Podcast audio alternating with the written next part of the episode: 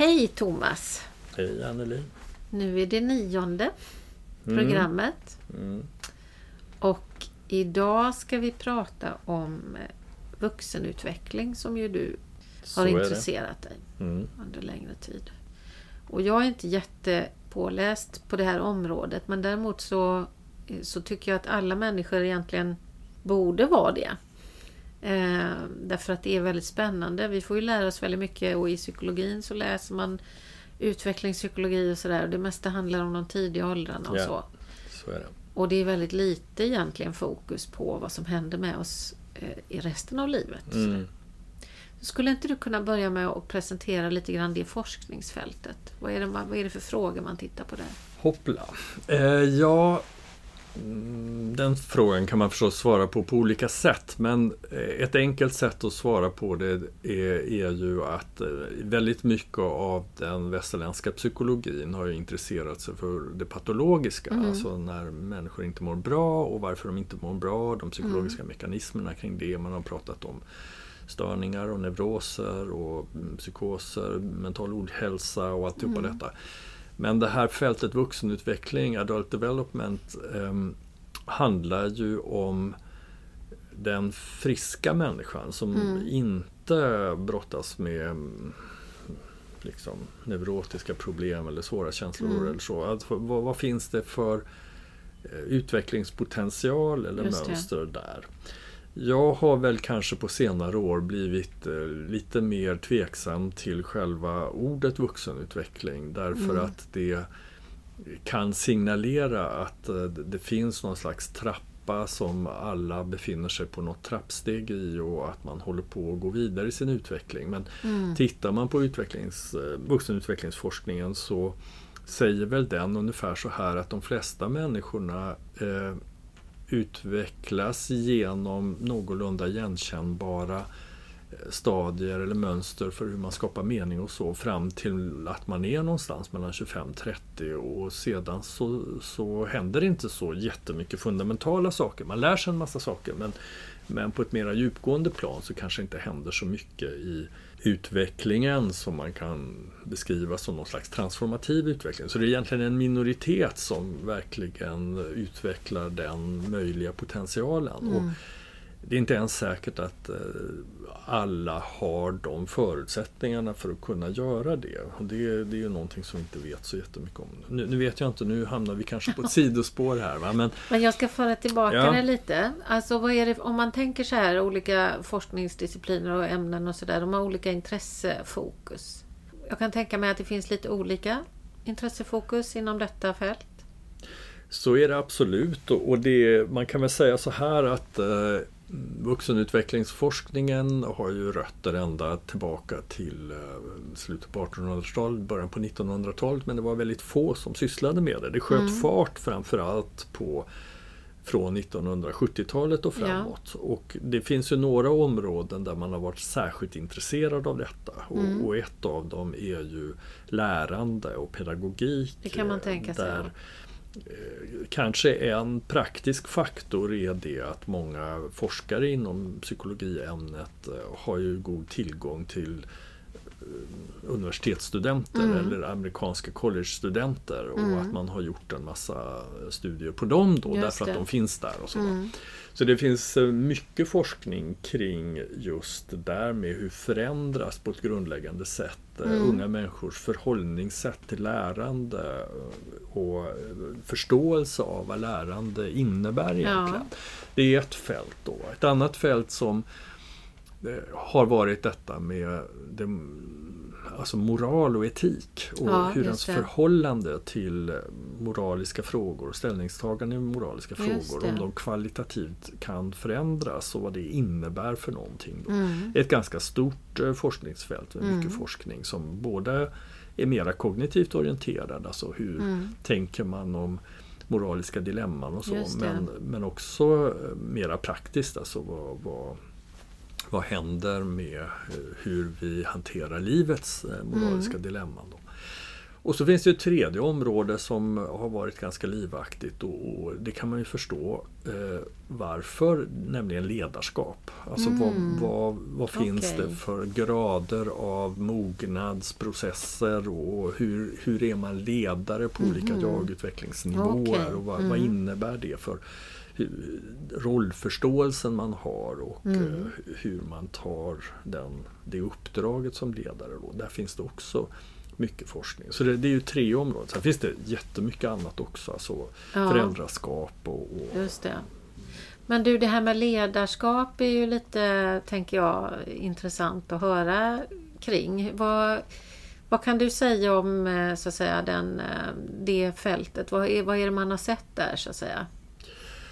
Ja, jättemånga olika ja, saker. En, mm. en aspekt då är ju det här med förmågan att varsebli och hantera komplexitet. Just det. Eh, är det så att man överhuvudtaget eh, tänker på eh, sådana saker som systemegenskaper, mm. överblickar man att när man som ledare, i synnerhet i strategiska ledarroller, mm. kanske behöver Eh, kunna hantera olika sorters system som tekniska system, ekonomiska system, mm. Eh, kompetensförsörjningssystem, arbetsmiljö, kultur mm. och så vidare. Då, där det kanske krävs en väldigt hög grad och förmåga att hantera kognitiv komplexitet för ja. att man ska kunna vara en strategisk ledare, i synnerhet i förändringsprocesser när omvärlden förändras mycket. Då. Så det är ju ett område. Då. Men om vi ska komma lite närmare det som du och jag har pratat mycket om i tidigare samtal så handlar det ju då om ledarrollen i förhållande till kanske då problematiska processer mm. på arbetsplatser och inom arbetsplatser och så. Mm.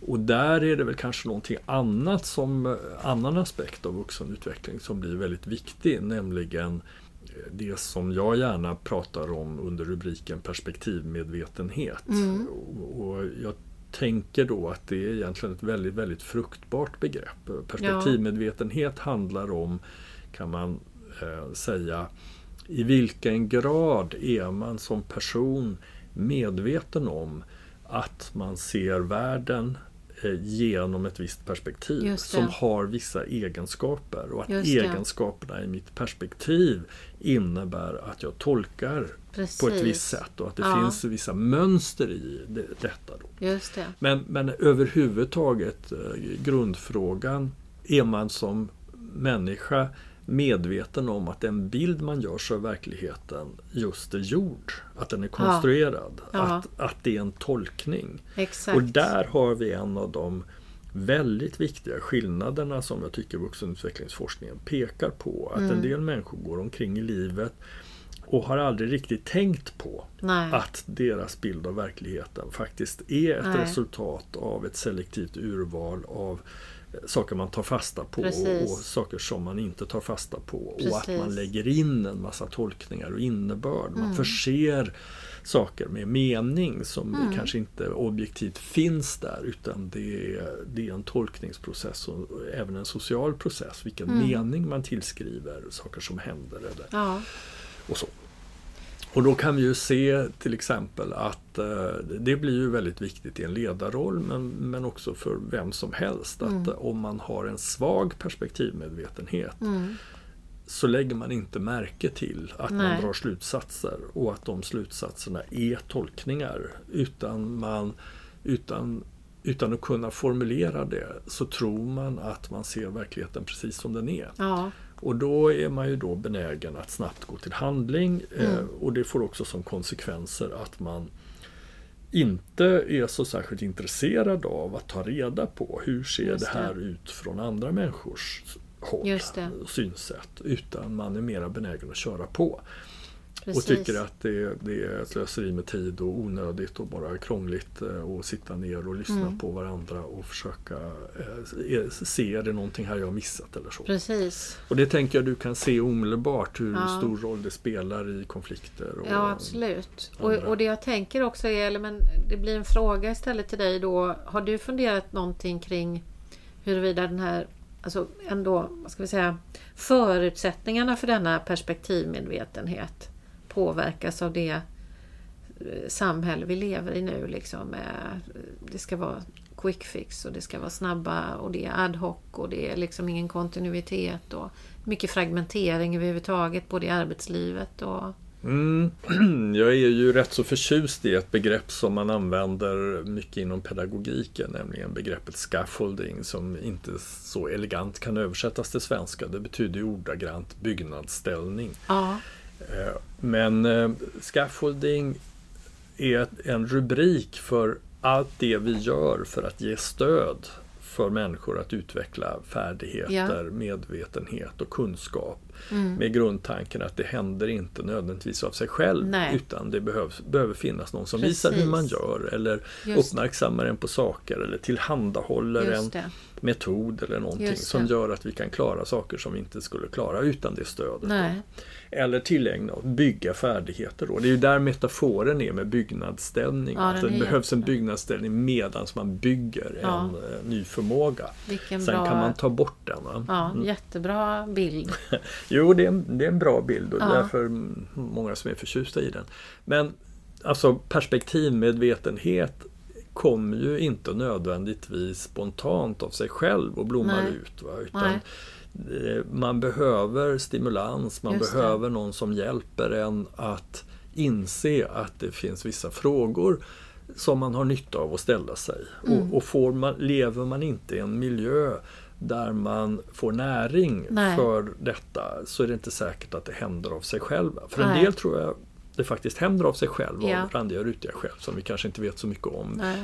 Men för de flesta tror jag att för att verkligen utveckla perspektivmedvetenhet så behöver man vistas i en social miljö där man får stöd för Mm. att utveckla den. Att bli uppmärksammad på att eh, du, det finns kanske ja, att bli medskickad sådana frågor. Finns det andra aspekter eller omständigheter som också skulle kunna vara relevanta Mm. för eh, det här som jag sysslar med just nu eller problemet jag Mm. försöker lösa eller eh, slutsatsen jag drar eller så.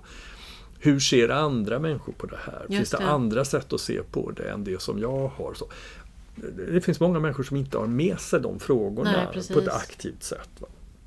Och där blir ju då den viktiga frågan, stödjer vi det? Alltså, till, läser man läroplanerna för skolan så betonar man ju väldigt mycket detta att eh, vi ska lära eh, Barnen ska lära sig att eh, kritiskt förhållningssätt och eh, kunna ta perspektiv och Mm. sådana saker. Då.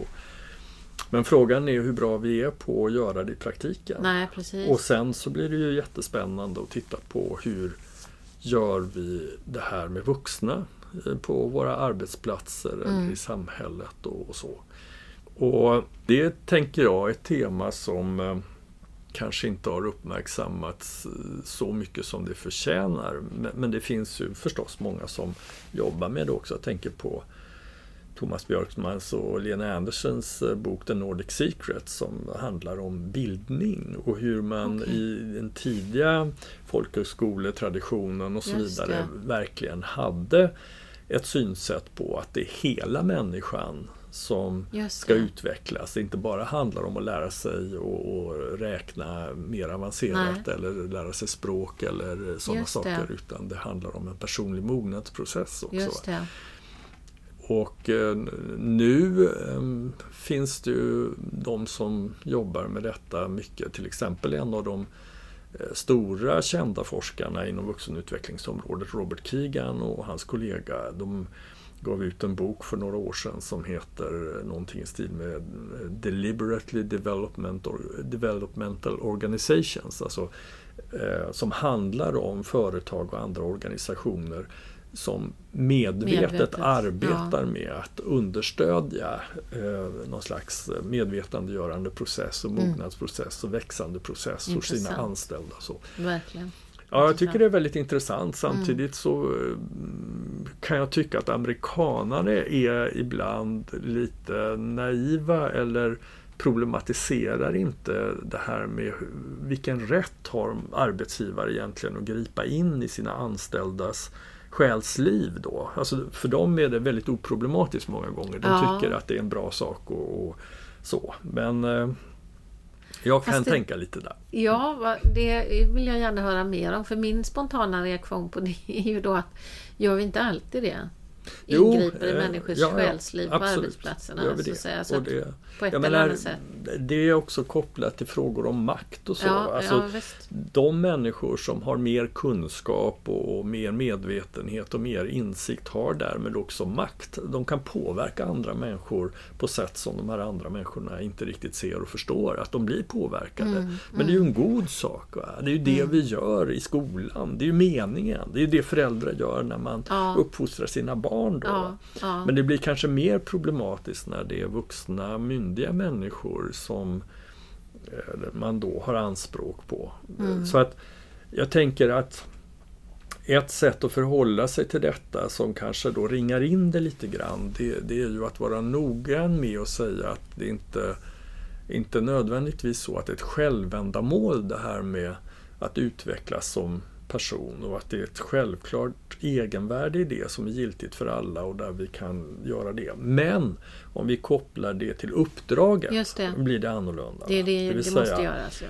vad innebär det att vara en bra undersköterska Mm, eller mm. läkare eller lärare eller myndighetsföreträdare eller vad det Mm. nu är för någonting. Eh, Ja men det, det, det finns ju kvalitetsanspråk Mm. på det vi ska uträtta när vi jobbar på en arbetsplats. Mm. Och då är förmågan, eh, eller då är frågan vad behöver man ha för grad av medvetenhet i olika dimensioner för att kunna göra ett bra jobb? Det är en Absolut. legitim Ja, fråga. ja. Alltså, så där blir det ju viktigt då, vad har vi för sätt att främja den eh, inlevelseförmågan eller förmågan Mm. till empati eller förmågan att eh, förstå orsakssammanhang, förmågan att anpassa hur vi hanterar olika ärenden till de särskilda omständigheterna i det enskilda fallet och så. Mm. Mm. Jag menar en sån sak som en av mina kollegor, det är vi är inte så många som sysslar med vuxenutveckling här i Sverige, men en av dem är Sofia Källström som är eh, professor nu i ledarskap i Mm. Jönköpings universitet. Men hon har ju forskat mycket tidigare kring det här med vård och omsorg och Mm. sånt. då, Och Mm. bland annat tittat på det här begreppet patientcentrerad vård Mm. eller omsorg eller brukarcentrering. Ja. Så. Det är ju sånt som man pratar om mycket. Men eh, det är en sak att kunna leva sig in i. Hur skulle jag vilja bli bemött som eh, sjuk pensionär Mm. eh, om jag var i den situationen? Mm. Och, och anpassa sitt agerande utifrån det. Men att det är en annan sak att förstå att den här gamla människan som behöver vård och omsorg nu är inte likadan som jag. Nej, utan vill ha det på ett annat sätt. Just och det. att jag behöver kunna anpassa mig efter eh, hur är jag en bra undersköterska i förhållande till just den här personen. Mm, precis. Det kräver mer av en slags kognitiva färdigheter och Ja. personlig mognad än att bara eh, följa givna instruktioner eller att eh, själv leva mig in i att eh, "Oh, men så skulle jag vilja bli behandlad. Precis. Då tycker jag att det finns en legitimitet i Mm. att arbetsgivare har förväntningar och till och med krav på sina medarbetare att eh, ett bra jobb innebär det här och det här. För det står i paritet till kraven i arbetet. Ja, Ja. just det. Och också kan man tänka sig att det också kan... För jag, det jag tänker är att reflektion och liksom förmåga att liksom processa med saker och ting också i- ger en möjlighet att så att säga hantera egna upplevelser i arbetet och sådär. Så att eh, det är också en, en Ja, det är en skyddsmekanism. liksom. annan dimension Mm. av vuxenutveckling som har att göra med i vilken mån eh, lägger man verkligen märke till vad är det som pågår i mig? Vad är det som triggas i mig? Vad är det för reaktioner jag har? Mm. Så att jag kan ha en medveten relation till dem och ta ansvar för hur jag hanterar mina reaktioner. Mm. Men det är, det är ett lite Ett annat annat spår, eh, ja. Ja, en annan utvecklingslinje pratar man ibland om Just det. inom det här fältet. Då. Det är ett jättespännande fält tänker jag. Ja, det är ett väldigt spännande fält. Det finns mycket forskning men eh, i det stora perspektivet så är det ju utanför mainstream i, Mm. i psykologifältet. Verkligen. Eh, Så, så det, det, är- det är lite ett, eh, ja, sidoordnat Ja. på ett sätt som är svårt att förstå egentligen därför att Ja, det är så centralt för hur vi fungerar och så. Verkligen. Men du, vad är de stora hindren då för att få till den här byggnadsställningen ute i arbetslivet?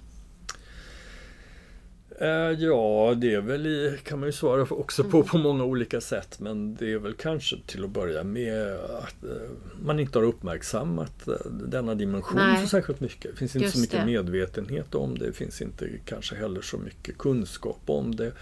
Och där kan väl jag vara kritisk eh, också tycka att eh, det finns ju eh, initiativ som handlar om detta men hårdgranskar man då, vad vet vi egentligen? Alltså vad finns det för evidens för att olika typer av insatser, det, om det nu är coaching eller vad det nu är för Mm. någonting, eller feedback i olika specialformer eller så, att det verkligen eh, har vissa önskade effekter. Nej. Det tror jag det är ganska skakigt med forskningsläget Mm. än så länge. Då. Så jag tycker man får vara lite försiktig där. Va? Men Mm. man tycker det är en väldigt viktig fråga att jobba med. Ja, verkligen.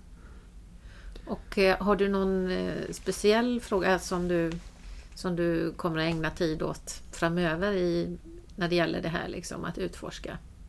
Här Ja, med, ja, den, för mig finns det med hela tiden. Va? Så att jag, eh, jag sysslar ju mycket med att utbilda om Mm. konflikter och konflikthantering och konflikthanteringsmetodik och så. Och där flyter detta in väldigt naturligt. Att, eh, det är Just ju det. väldigt centralt i konflikthantering att Verkligen. kunna förstå andra, att andra upplever saker annorlunda än en själv. Och Verkligen. att förstå att andra har andra narrativ eller berättelser om Mm. situationer och så. så. Det är någonting som jag gör väldigt mycket av. Sen vet jag inte om eh, jag eh, har, kommer att ha möjlighet att göra någon Nej. mer samlad insats kring att utveckla strategier för detta inom arbetsliv eller utbildning och så. Det Det, får man vara i dialog med andra om tänker jag. men du går i alla fall i spetsen för att vi nu får höra om detta tänker jag. Så det är väl viktigt att det börjar pratas om det och kanske frågas efter också. Ja, det finns nog åtskilliga Ja. spetsar i detta. Ja, ja, det finns ju andra som eh, jobbar med de här frågorna. Kanske mer eh, publikt än vad jag gör. Också. Ja, ja, men nu är vi här. Men, Men jag vill du- gärna bidra till det, det vill jag. Precis, och det gör du ju förstås. Detta är ett sätt. Men nu ska vi runda av Ja, för dagen. Okej, tack ska du ha. Tack själv.